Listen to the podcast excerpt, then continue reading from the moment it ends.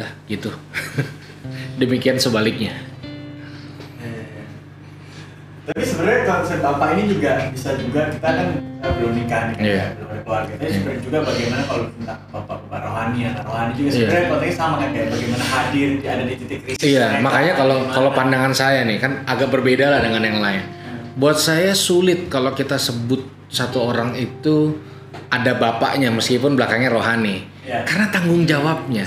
Contoh, saya bapak rohani eh saya katakan saya bapak rohani atas eh, saya punya 19 atau 25 anak rohani. Iya. Nggak mungkin saya bagi waktu dengan 19 orang dengan kualitas dan kebutuhan yang sama. Nggak mungkin. Saya sedang me- melempar sebuah ekspektasi kebutuhannya akan Bapak, tapi tanpa pertanggungjawaban. Ya jelas lah. Jelas. Gitu loh. Dan lo bener dong. Sekarang misalnya saya bapak rohani, kebetulan kalian misalnya katakanlah anak rohani. Ya saya anak rohani. Iya, misalnya contoh, misalnya kan, Misal, Iya. Tapi emang gua daftar kalau iya, bisa. iya kan, iya. Ada satu momen 3 sampai 4 bulan saya intens dengan kelompok lain. Kalian rasa gimana? Ya karena saya sudah melempar. Ini bapak, nggak mungkin, nggak mungkin. Kalau kalau kalau menurut saya akan sulit karena itu sebuah apa ya kebutuhan. Iya.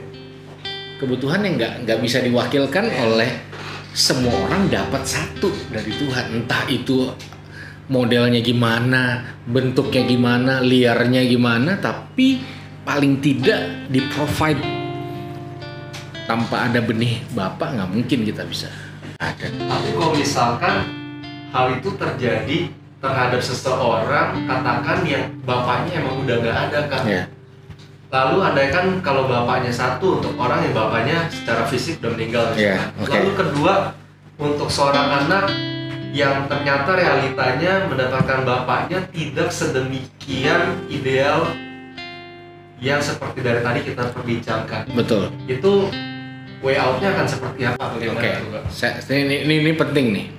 Satu kali orang nanya saya, bang udah nikah belum? Udah. Nah dia nanya satu pertanyaan yang aneh, bahagia nggak bang di pernikahan? Itu kan kayaknya di luar konteks. Tapi oke lah saya jawab. Lalu saya jawab gini, bukan tugas istri saya buat saya bahagia. Kalau saya punya Tuhan, saya kenal Bapak, tugas diri saya buat saya bahagia bukan tugas bapak rohani, bukan tugas pendeta, bukan tugas bapak jasmani kalau kita punya Tuhan. Bukan tugas komsel buat kita bahagia. Tugas diri kita sendiri. Maka tadi saya bilang, ketika seorang terpenuhi oleh Tuhan, termasuk dia punya kemampuan singleness. Ah. Ketika yang ini nggak bisa, kita nggak bisa compare. Ini orang terluka sama bapaknya sudah. Seperti banyak orang bilang, nah aku mewakili bapamu, aku minta maaf, aku ini. Mo- mo- momentum aja terjadi. Setelah itu, apakah si yang ngomong ini mau tinggal hidup bareng sama dia, ngeluarin duit, ngelu- memberikan telinga? Loh, ini punya keluarga sendiri. Orang nggak tahu kalau dia harap dia berharap ini bapak rohani gue, tapi tinggalnya dia punya keluarga sendiri.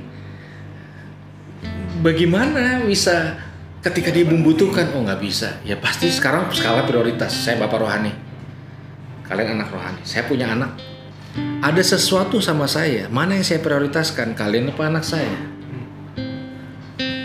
Itu yang tanpa sadar si bapak ini membuat anak-anaknya bergantung sama dia bergantung sama dia.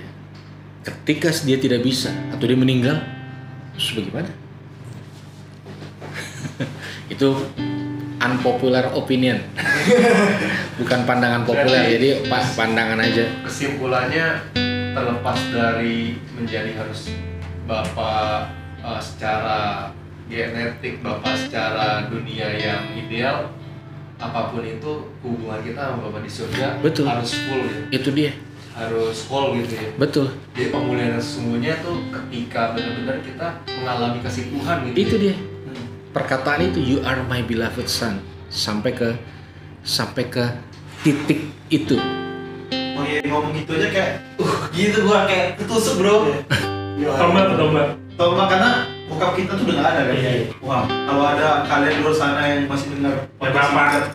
punya ayah kalian punya momen besar sih bro buat kayak sekarang kita yang udah nggak ada ayah tuh kita nggak punya momen lagi ya Bang. betul sama kayak gue gue juga nggak ada sudah 12 Makanya- tahun berasa waktu gitu. nggak ada langsung gue kayak ngeliat temen gue sih waktu dia nikah itu sama bapaknya eh gue gak bisa kayak gitu deh nanti. Iya. Paling simpel kayak gitu bang. Betul. Jatuhnya iri kan. Tapi kan kita harus tetap makanya gini hati bapak itu membuat orang punya kemampuan ini. Dia nggak cuma berharap dapat mujizat dia jadi mujizat itu untuk orang lain. Dia dia nggak apa dia nggak berusaha untuk minta jawaban doa. Dia jadi jawaban doa itu sendiri untuk orang lain. Jadi ketika kacamata bapak itu termanifestasi sorry kita jadi nggak penting. Ketika lo lagi butuh dirangkul lu ngerangkul orang. Ketika lo lagi pengen didoain lu doain orang. Lu bayangin betapa orang bersyukurnya ketemu orang model lo yang nggak pernah keberatan dan tidak menempatkan egosentris menjadi terminal terakhir. Kalau boleh nanya nih bang Yeri eh, sama bapak boleh share nggak? Momen apa yang paling bang Yeri nggak pernah lupa nih sama ayah? hmm. iya. Mungkin banyak ya, tapi tapi salah satu yang Iya. paling berkesan ya. Iya. Waktu waktu gua lagi make sakau kan? Oh itu sakau itu kan ya ribet lah. Jadi gue nggak pernah di depan bokap. Karena pasti dia sakit hati banget. Lo bayangin bapak punya mimpi sama anaknya tiba-tiba dia ngeliat situasi itu dan brutal banget. Gue kalau sakau itu bungkulin kepala ke tembok berendam di air. Wah udah ribet dah. Nah satu kali ke- kedapatan gitu. Nangis dia. Aku juga ikutan nangis kan waktu itu. Dan waktu itu nggak nggak banyak tempat curhat. Jadi dia datang terus dia bilang udahlah kita beli aja lah. Nah malam itu jam 2 kali pergi kita ke rumah bandar. Gue beli itu bayang kalau ketangkep, dua-duanya ketangkep. Pasti. Dan jadi gue membawa bokap gue tuh ke lubang kehancuran gue yang harusnya enggak. Dan nggak hampir nggak pernah ada orang tua yang sanggup menyaksikan depan matanya realnya ketika seorang anak tuh ngedrugs ancur-ancurnya kayak apa dan malam itu dia gue make depan dia dan hancur nggak? pas gue make semua mimpi yang pernah dia bangun boom runtuh gitu loh nah tapi satu sisi gue akhirnya sadar wah yang sayang sama gue dia. Bukan teman-teman gaul gue yang di luar bukan teman-teman yang gila gue mengabaikan dia begitu banyak dan kalau ada apa-apa yang ada di sebelah gue dia. Gue pulang mabuk jam 3 pagi yang nungguin gue depan rumah dia. Gue ke rumah depan keluar rumah bandar yang di depan dia. Nah itu menjadi sebuah alasan kuat untuk gue sembuh gitu makanya narkoba itu mimpi buruk buat bapak-bapak di rumah tapi cinta bapak sama anak tuh mimpi buruk buat bandar narkoba karena itu rival apple to apple yang gak sebanding sebenarnya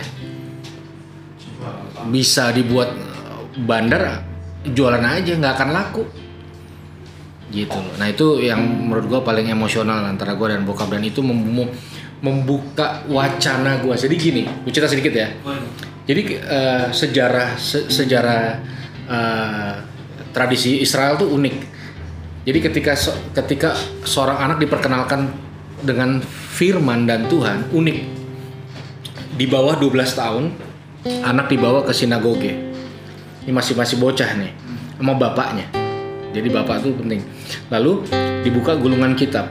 Anaknya suruh satu tangan pegang gulungan. Jadi in- indera perasanya Terus bapaknya ambil madu, taruh di langit-langit. Begitu madunya sampai ke langit-langit mulut, bapaknya bilang gini, "Nak, firman semanis madu yang kamu rasa." Tem. Langsung secara visualisasi anak-anak dunianya berubah.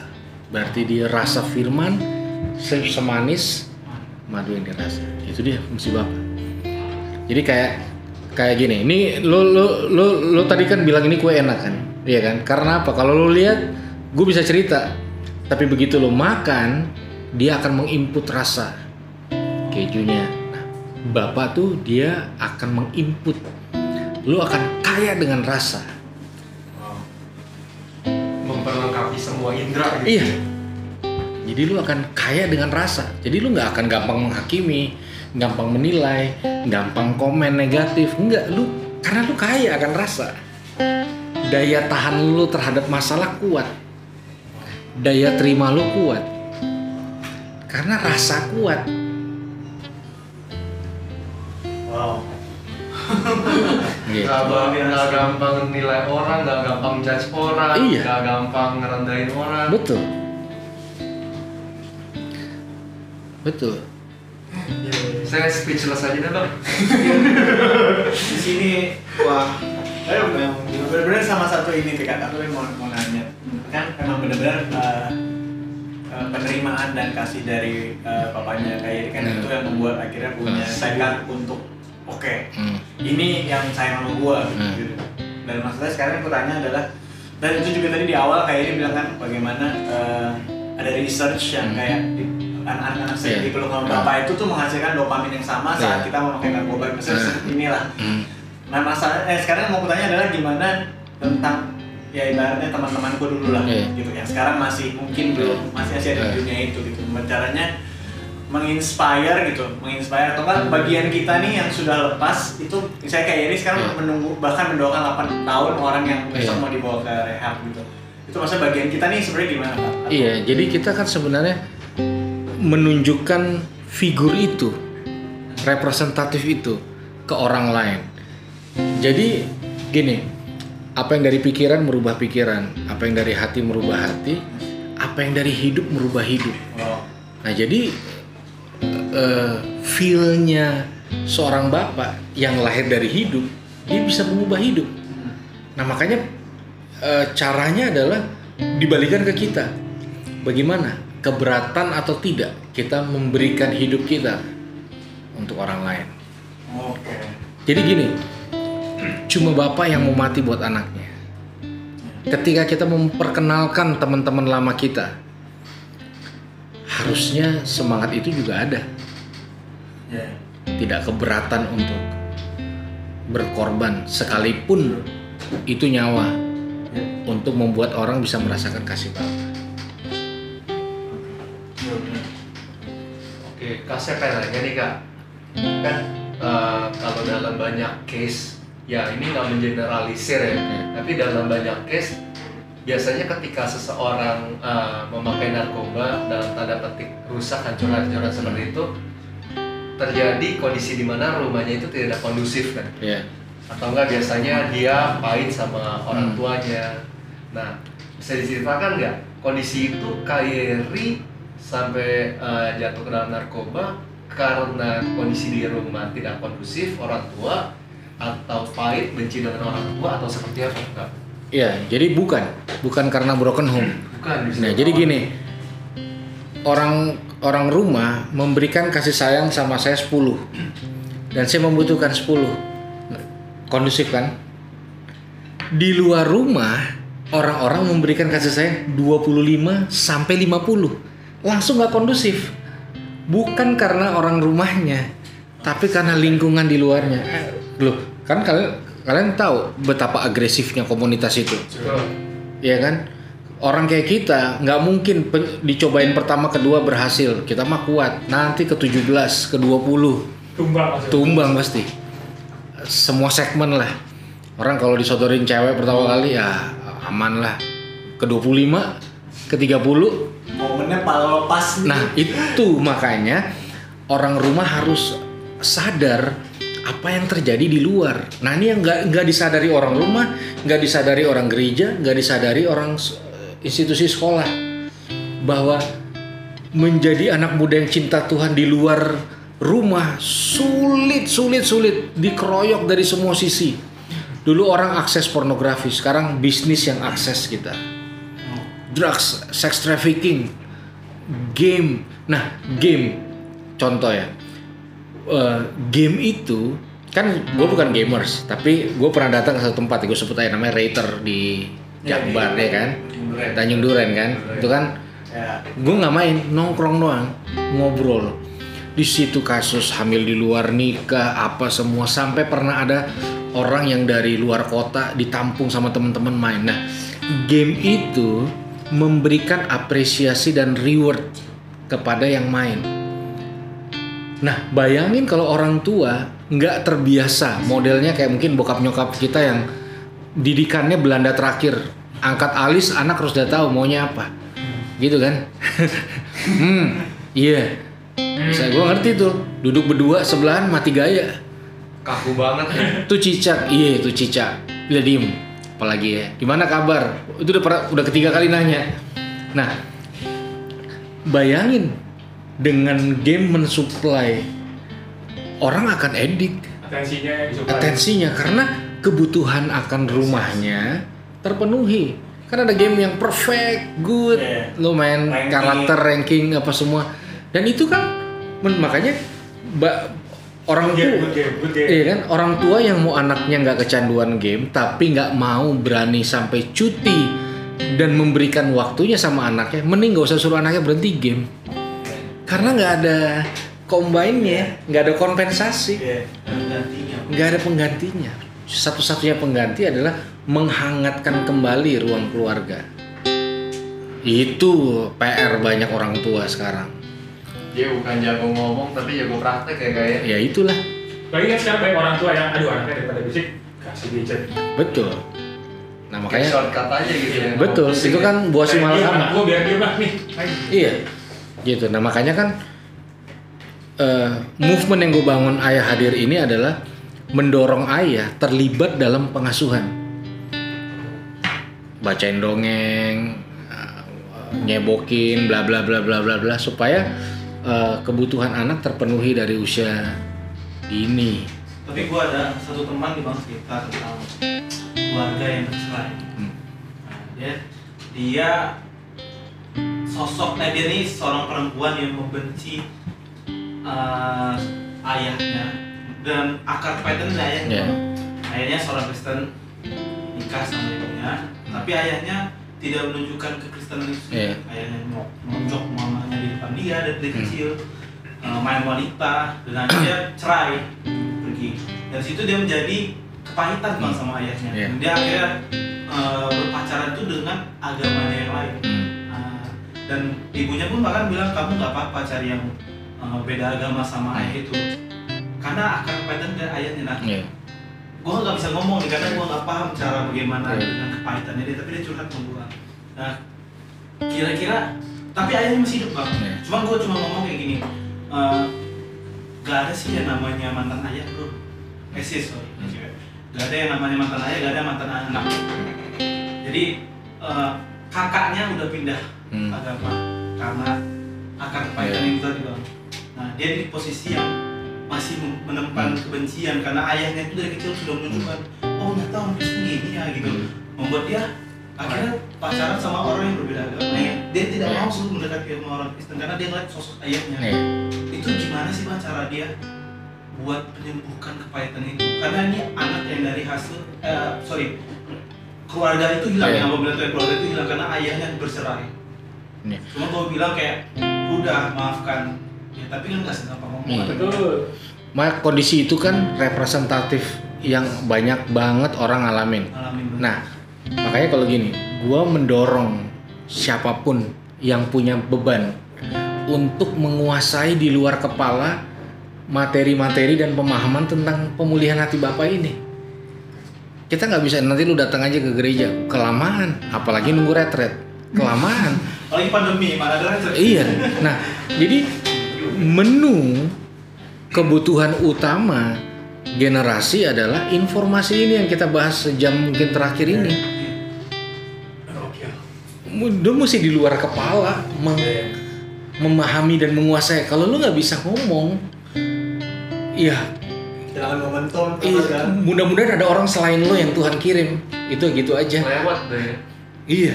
Ya penting kalau orang yang benar. Hmm. Kalau dia abuse juga. Iya, nah makanya kan satu kalau itu nyangkut di kita berarti Tuhan percayakan kita sebuah solusi. oh, Ya, udah pasti dah apa pun itu. Nah makanya kan mengatasi kebingungan kita mengkerucutlah ke satu pesan ini. Lo tahu nggak misalnya gambaran kita sama Tuhan sangat dipengaruhi sama gambaran bapak kita yang lo depan mata lo. Ya jelaslah Tuhan rusak karena kelakuan bapak lo. Nah izinin gue memperkenalkan bapak yang benar tuh kayak apa. Lo luangin lo luangin waktu uh, buat gua boleh? Nah ini. Se- lo mau ngomong gimana pun kan gue bilang kalau ketika ini dibahas maka lo akan menggiring orang punya sebuah hubungan emosional. Pasti deep aja pasti deep nggak mungkin enggak karena Asal intensinya jelas ya. Karena- bapak. ya? Iya karena dia mengisi ruang kosong itu Tapi mungkin kalau aku boleh tambahin sampai sebelum kita punya pengetahuan di luar kepala bahkan terlebih dahulu kita pribadi mesti ngalamin bapak iya sih ya iya itu dia Bapak ya Bang? itu dia Kita mesti ngalamin Iya bapak makanya benar. itu itu harus menjadi sebuah yang kita keluarkan secara natural di sosmed kita, di ngomong kita. Udah itu doang. Gue nggak akan keluar dari ranah ini.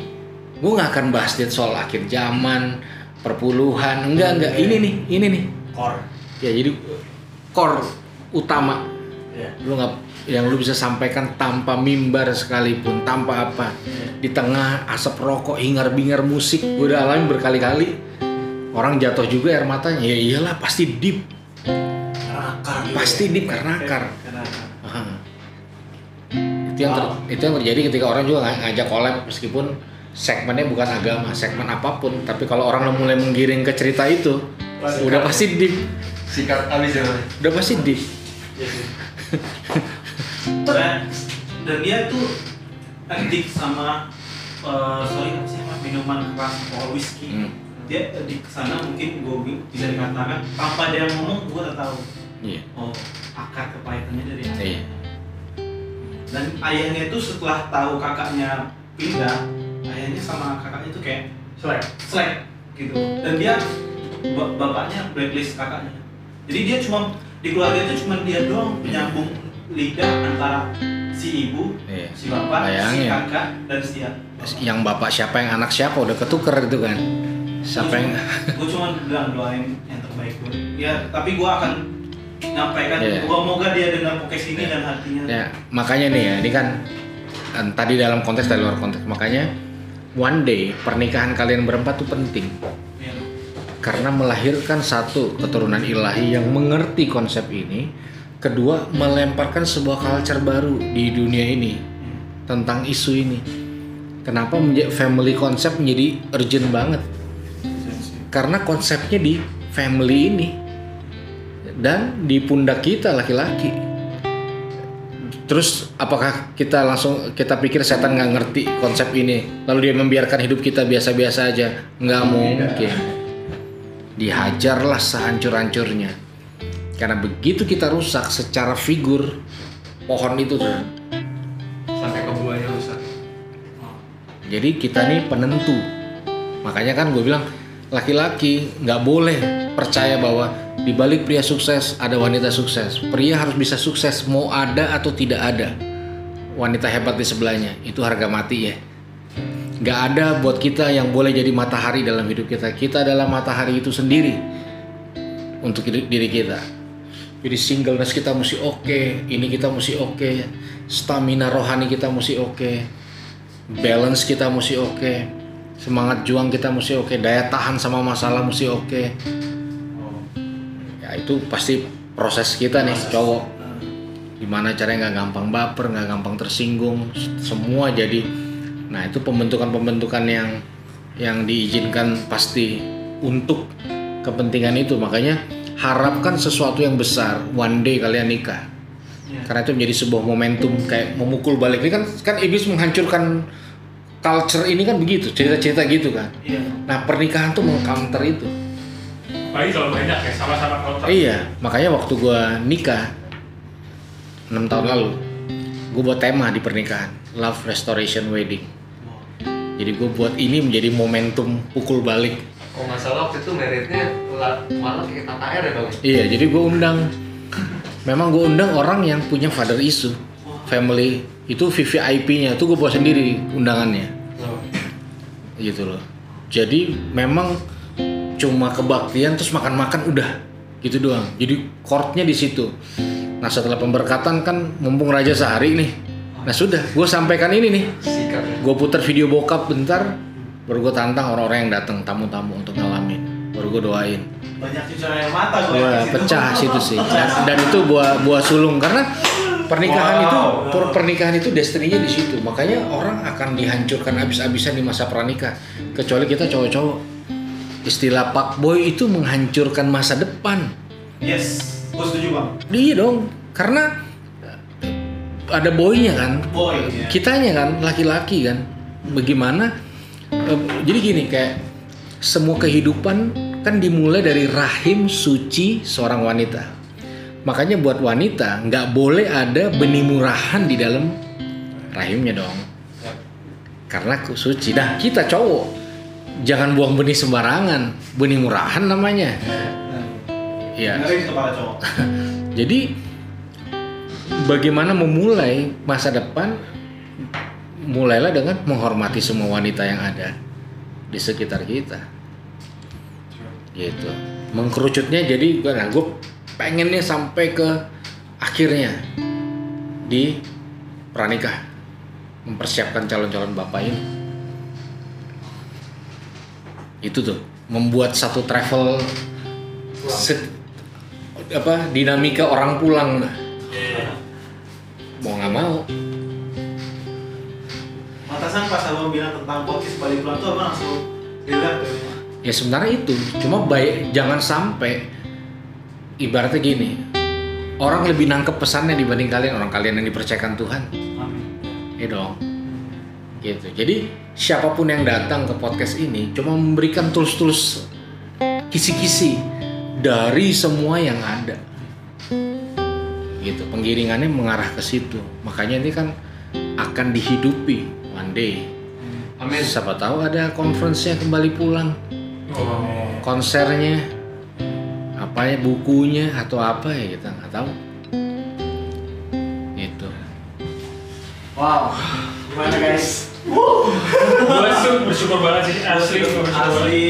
Bersyukur banget Tuhan kirimin podcast. Kairi hari ini di tengah-tengah kita ya. Iya betul betul. Aku bersyukur sih ini benar-benar secara kita untuk kita pribadi membukakan, memperlengkapi Speechless ya. Speechless. Bener-bener. Karena kita terbuka pikiran tuh kayak di Instagram kita kayak gue pengen kayak kata-kata yang bagus tuh kayak eh, tadi apa bilang Bang? Eh, rumah ya. Podcast kita bisa tambahin tuh tagline podcast this is your home. Di bio kita tuh kayak emang sebenarnya kembali pulang tuh identik sama rumah. Iya. Kan itu kan perlu di iya. dikeluarkan menurut versi kalian jangan. itu jadi apa kata-kata Mary itu menjadi remah yang yang saya ngomong ini yang saya ngomong panjang lebar adalah sesuatu yang sudah ada di tengah-tengah kalian. Saya tidak ngawang-ngawang. Sudah ada sudah ada. Jadi ini bukan diraih ini cuma dipicu aja keluar. Nah harusnya ada kayak satu momen di mana kayak orang cari harta karun gali sedalam-dalamnya. Ada apa di tengah-tengah kalian berempat sampai sebegitu pentingnya buat Tuhan gitu loh. Wah, gue gak dapet tuh mas. Gue baru sadar sekarang. harusnya harusnya menemukan itu karena iya. karena dia tidak diletakkan di luar kalian berempat. Pasti di dalam. satu kue potong empat. Satu dua tiga empat. Lima. Lima, Bang. Satu lagi ada lagi. oh ya lima. Bagi lima. Udah gimana tuh? Nggak bisa nggak ada satu. Ya orang dibagi lima. Wah, Oh itu tuh relate, relate, relate banget sama omongannya Danny kemarin itu. Waktu kita sempat bentrok gitu Gak bisa nih, kita sampai berlima Dan itu kan pilih berlima, gak bisa kita keluar satu. Langsung, oh iya iya, udah udah Lo sekarang ngomong kayak gini bang. Buset, dari tadi sih gue sejujurnya ya Waktu kalau kemarin minggu kan sama Kristo kan, sekarang sama lo bang. Gila, otak gue penuh banget sih Dengan hal yang gak pernah gue Bukan, gue kayaknya tidak terlalu peduli dengan itu Akhirnya sekarang dihantam terus-terusan nih bang. Hmm. Akhirnya pecah, akhirnya Dan sebenarnya hari ini jadi terbuka sesuatu lagi ya tentang Iya. hubungan dengan bokap sama bokap gitu maksudnya tentang kayak ini hari ini ngebuka sesuatu pasti. Ya, tadi sih gue terdiam dan tadi gue udah nangis sih tadi waktu lo bilang ini bang, memberikan ruang kesalahan yang sangat besar. Itu tuh wah. apa ya? Dan itu kan sama itu sama sifat yang dipunyai sama Tuhan Bapak Bapak kita Tuhan Allah kita juga kan. iya Dan bapak yang dicerita anak bungsu itu kan sebenarnya juga gitu. Nah, makanya. Gitu. apa pun yang terjadi pasti ada intervensi bapak di surga ke Amin. bapak lo Iya. udah nggak mungkin enggak karena Amin. Pasti karena ya. kayak apa ya aromanya tuh sama. Nggak mungkin ada source lain. Nggak mungkin percaya gue itu udah ciri itu hanya dimiliki dari satu sumber. Dan emang kita pribadi berlima sebelum memulai eh, podcast ini kita nomor satunya tuh Tuhan Yesus. Hmm. bukan kita berlima yang jadi artisnya. Kayak fokus kita tuh ya membuat gimana memakai kesaksian Bang Yeri, Hmm. Bang Christopher, Murni, Jo. Joe, dan banyak udah banyak lagi ntar moga Tuhan kirim gimana kesaksian dan apa yang dikatakan sama eh, pembicara kita tuh nyampai. Bahwasanya kayak eh, pegang rumah. Terus banyak di luar sana yang mungkin orang nggak punya rumah. Tapi maksudnya saat sampai di empat per, tempat narasumber ini eh, kak yang gue tangkap adalah dia bangun kedalaman di bagian kita gitu ya sih. Maksudnya dibuat jadinya punya. Se- sebenarnya itu chordnya karena banyak orang nih ngomong apa deh saya nggak ngomongin kalian. Banyak orang akhirnya bersembunyi di balik event sama kegiatan untuk melepas tanggung jawab harusnya turun bersentuhan dengan hidup orang langsung. Itu culture. Saya nggak bilang itu eh, itu culture. Culture yang banyak orang putuskan eh kita buat generasi ngapain buat panitia itu udah paling umum Hmm.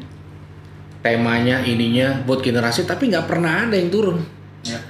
ini sih reguler tahun depan jilid 2 Luar jilid ya, di 3 luar, di luar. conference apa semua hampir nggak ada dan akhirnya dia kan kehabisan pesan nah pesan yang gue sampaikan adalah yang gue menemukan di sumur ini feel-nya feel-nya dari sini dan ketika lo menyampaikan menjadi sebuah pesan itu akan akan powerful banget. Apalagi udah pernah dialami kan. Just- justru itu. Justru itu. Iya kan justru itu. Kalau enggak kan ya ibaratnya cuma nambahin satu podcast rohani lagi dari yang udah Iya, ada. betul.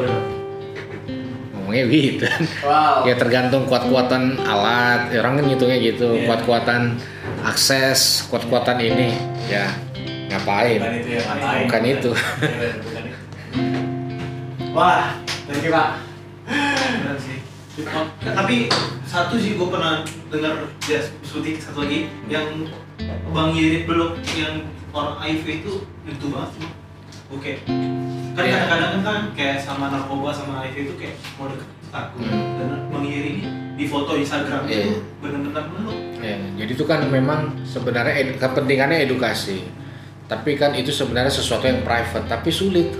Orang tuh harus dikasih taste, paling nggak matanya, deng atau visual visualnya. Kan ketika Yesus melihat itu tergeraklah hatinya oleh belas kasihan. Ternyata ada visual, ada yang bisa dilihat juga. Gitu. Nah makanya kan itu arena yang nggak ada orang isi. Nah kalau mau ini di situ nggak ada rivalnya, orang kosong kok. Iya, iya. Semoga kami bisa di Bang Yeri langsung turun ya. Kita Bukan kebetulan Tuhan ketemu kita sama Iya. Eri di awal-awal ini. Nggak kebetulan. Iya. Jadi yang benar-benar kita wow. Yes. Ini pekerjaan yang luar biasa sih yang Tuhan percayakan juga ya. Ya, gimana? Oke. Gimana teman-teman? Sebenarnya aku masih ada satu pertanyaan. Coba. Boleh, boleh, Closing boleh. Sam, boleh Sam. Closing, closing. Ya mungkin ini juga jadi pertanyaan terakhir ya. Kak, eh, gimana sih menjadi seorang ayah ya eh, yang relevan Hmm. untuk generasi hari-hari ini gitu yang udah modern. Pertama jadi ayah yang relevan untuk anak biologis kita sendiri, lalu selanjutnya menjadi ayah yang relevan untuk generasi kan. Ya. Seperti itu sih.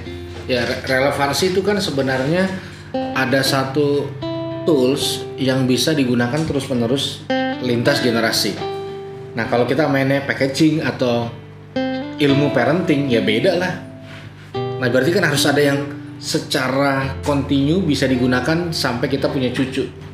Ya basicnya adalah ya firman, gak ada lagi. Jadi kalau kita nggak tenggelam, hanyut dan berakar sampai firman itu menjadi aroma dalam hidup kita, kita nggak akan punya relevansi apa pun. Ibaratnya kalau orang makan duren mau ditutupin kayak apa, satu kali orang sekitarnya akan tahu apa yang dia makan.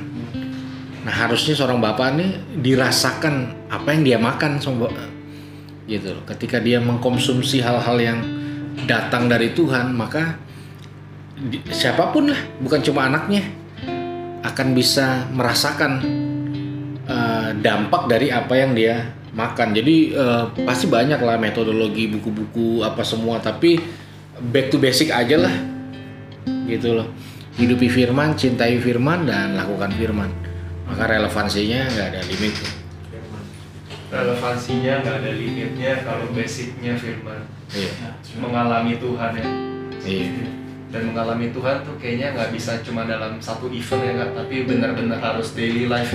betul Daily life basis kita mengalami Tuhan over and over again. iya gitu ya. itu yang bilang hubungan emosional dengan Tuhan Nah, kalau mau gampang menggiring sampai pemahaman pengenalan Tuhan sebagai Bapa. Nah, apalagi tadi kayak Eri sempat bilang ketika Tuhan itu mau melakukan mujizat di firman Tuhan gue juga selalu notice selalu percaya maka tergeraklah hati Tuhan oleh karena belas kasihan ya gue terlintas ketika dari tadi kayak Eri ngomong kita tuh nggak mungkin penuh dengan belas kasihan kalau kita tuh nggak sering-sering mengkonekkan diri kita menempelkan diri kita dengan sumber yang memberikan belas kasihan itu dalam hati iya kita jadi ya Iya. itu akan menjadi bukan belas kasihan Tuhan yang kita alirin tapi daya upaya manusia yang mana itu terbatas tergantung mood tergantung keadaan Iya. gitu sih ya Iya. kita manusia terbatas banget banyak celah banget untuk kita Mundur apa? Karena basic kita bukan mengasihi Iya. pada dasarnya nggak ada nature-nya kita kita nggak ada nature-nya itu cuma nature Tuhan doang itu cuma nature Tuhan dan ketika kita pulih karena sama Tuhan kita bisa mengasihi seperti Bapak mengasihi sih wah ajaib Amin. Luar biasa, thank you Bang Yeri Siap, udah siap. hadir di podcast kembali pulang. Semoga yang dengar-dengar di luar sana tuh, apalagi umumnya cowok-cowok ya yang bakal jadi bapak, dengerin tuh jadi bapak itu. Eh, boleh, boleh. sama aku pengen nambahin satu lagi. Tadi Kak Eri di awal sebelum ini di record ada bicara seperti ini. Banyaknya orang tuh ketika pulang dari satu kegelapan sumber dosa cuman cukup nyaman sampai dia kembali pulang ke dalam kondisi dia itu yang normal. Iya. Udah lepas dari dosa balik ke kehidupan normal. Tapi sering kali Tuhan tuh menawarkan ketika lu udah balik ke posisi nol di start Tuhan mena Tuhan menawarkan destiny untuk lu mau nggak hidup lu tuh dipakai untuk bisa jadi toolsnya Tuhan membawa orang-orang yang udah pernah jatuh sedalam lu pernah jatuh untuk kembali ke Tuhan Nih. seringnya malah orang udah cukup nyaman sampai di titik Betul. dia kembali ke posisi nol ya kayak Iya. sedangkan masih ada destiny Tuhan yang Tuhan tawarkan mau nggak selanjutnya Iya. lu menjangkau orang-orang yang pernah jatuh di posisi lu bahkan lebih dalam Hmm. yang aku simpulkan adalah yuk kita masing-masing ketika udah terima kasihnya Tuhan udah terima cintanya Tuhan kita nggak usah muluk-muluk deh Iya. satu dunia satu Indonesia cukup biarkan Tuhan pakai hidup kita minimal di keluarga kita kita bisa jadi alatnya Tuhan ya kan Amin. Mhm. Iya. Jadi kan Gimana? banyak orang tuh mikirnya kayak bangsa Israel, gimana cara keluar dari Mesir? Itu bukan tujuan. Tujuan utama adalah masuk tanah Kanaan.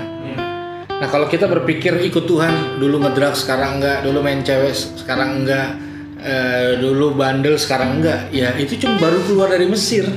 belum sampai tuh Jangan nggak pernah ada pemikiran Tuhan sampai di titik itu. Masuk tanah perjanjian, taklukkan raksasa-raksasa, wow. rebut tanah perjanjian berlimpah susu dan madu. Gitu loh. Makanya orang kadang-kadang pulang tapi dia ng- nggak sadar baru setengah jalan. Gitu loh. Ya, itu yang sebabkan banyak orang yang pulih nggak mau memulihkan orang lain Oh, karena dia nggak mau masuk tanah perjanjian. Kecenderungannya ya balik lagi Iya. karena semangatnya cuma dulu gua ngedrak sekarang enggak lalu sudah. Oke. Malah lebih di tengah jalan sangat berpotensi untuk dia jatuh bak iya jatuh karena lagi. dia, gitu ya. dia tidak bergerak menuju tujuan. Wow. lalu ke mana kalau bukan bergerak tujuan? Gitu loh. Cenderung balik malah iya perjalanan macam apa yang tidak menuju tujuan? Itu kayak orang main bola. Kan pada suka bola nih. Nggak ada gawangnya. Hmm. nah itu tuh. Ngapain? seru. Asik. Tapi tapi, mau ngapain? Wow, wow, Wow. Random hidupnya random, random. Thank you, thank you Bang Yeri.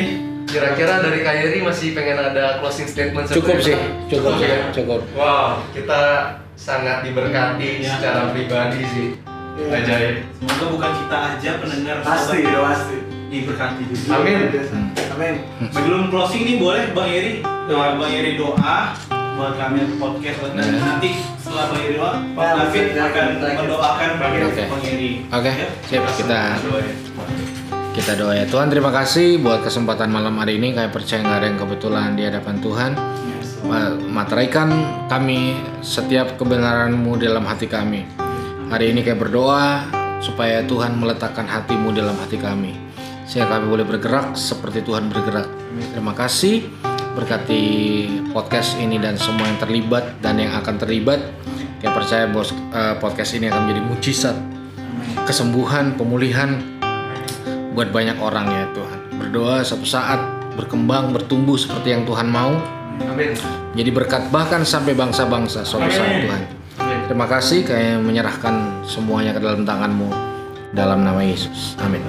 Oke, kita berdoa. Terima kasih Tuhan kami boleh punya kesempatan belajar dari anakmu juga Tuhan Yeri Pati Nasarani Tuhan. Aku percaya Tuhan saat eh, kau selamatkan Kak Yeri, kau sudah pikirkan kami hari ini Tuhan. Semua hal ini sudah ada di dalam pikiran Tuhan, di dalam hati Tuhan. Biarlah Tuhan kau pakai Kak Yeri lebih lagi Tuhan dalam panggilan hidupnya apa yang Kak Yeri mm, punya panggilan di dalam hatinya Kau berkati keluarganya Tuhan berkati anaknya berkati istrinya semua Tuhan jauhkan dari segala macam intimidasi kuasa kegelapan tutup bungkus mereka semua Tuhan jika apa pun yang Kak Kak Yeri kerjakan di ladang Tuhan ini Tuhan ada penjagaan malaikat yang luar biasa berjaga-jaga buat keluarganya. Pakai Yeri Tuhan sampai ujung bumi Tuhan.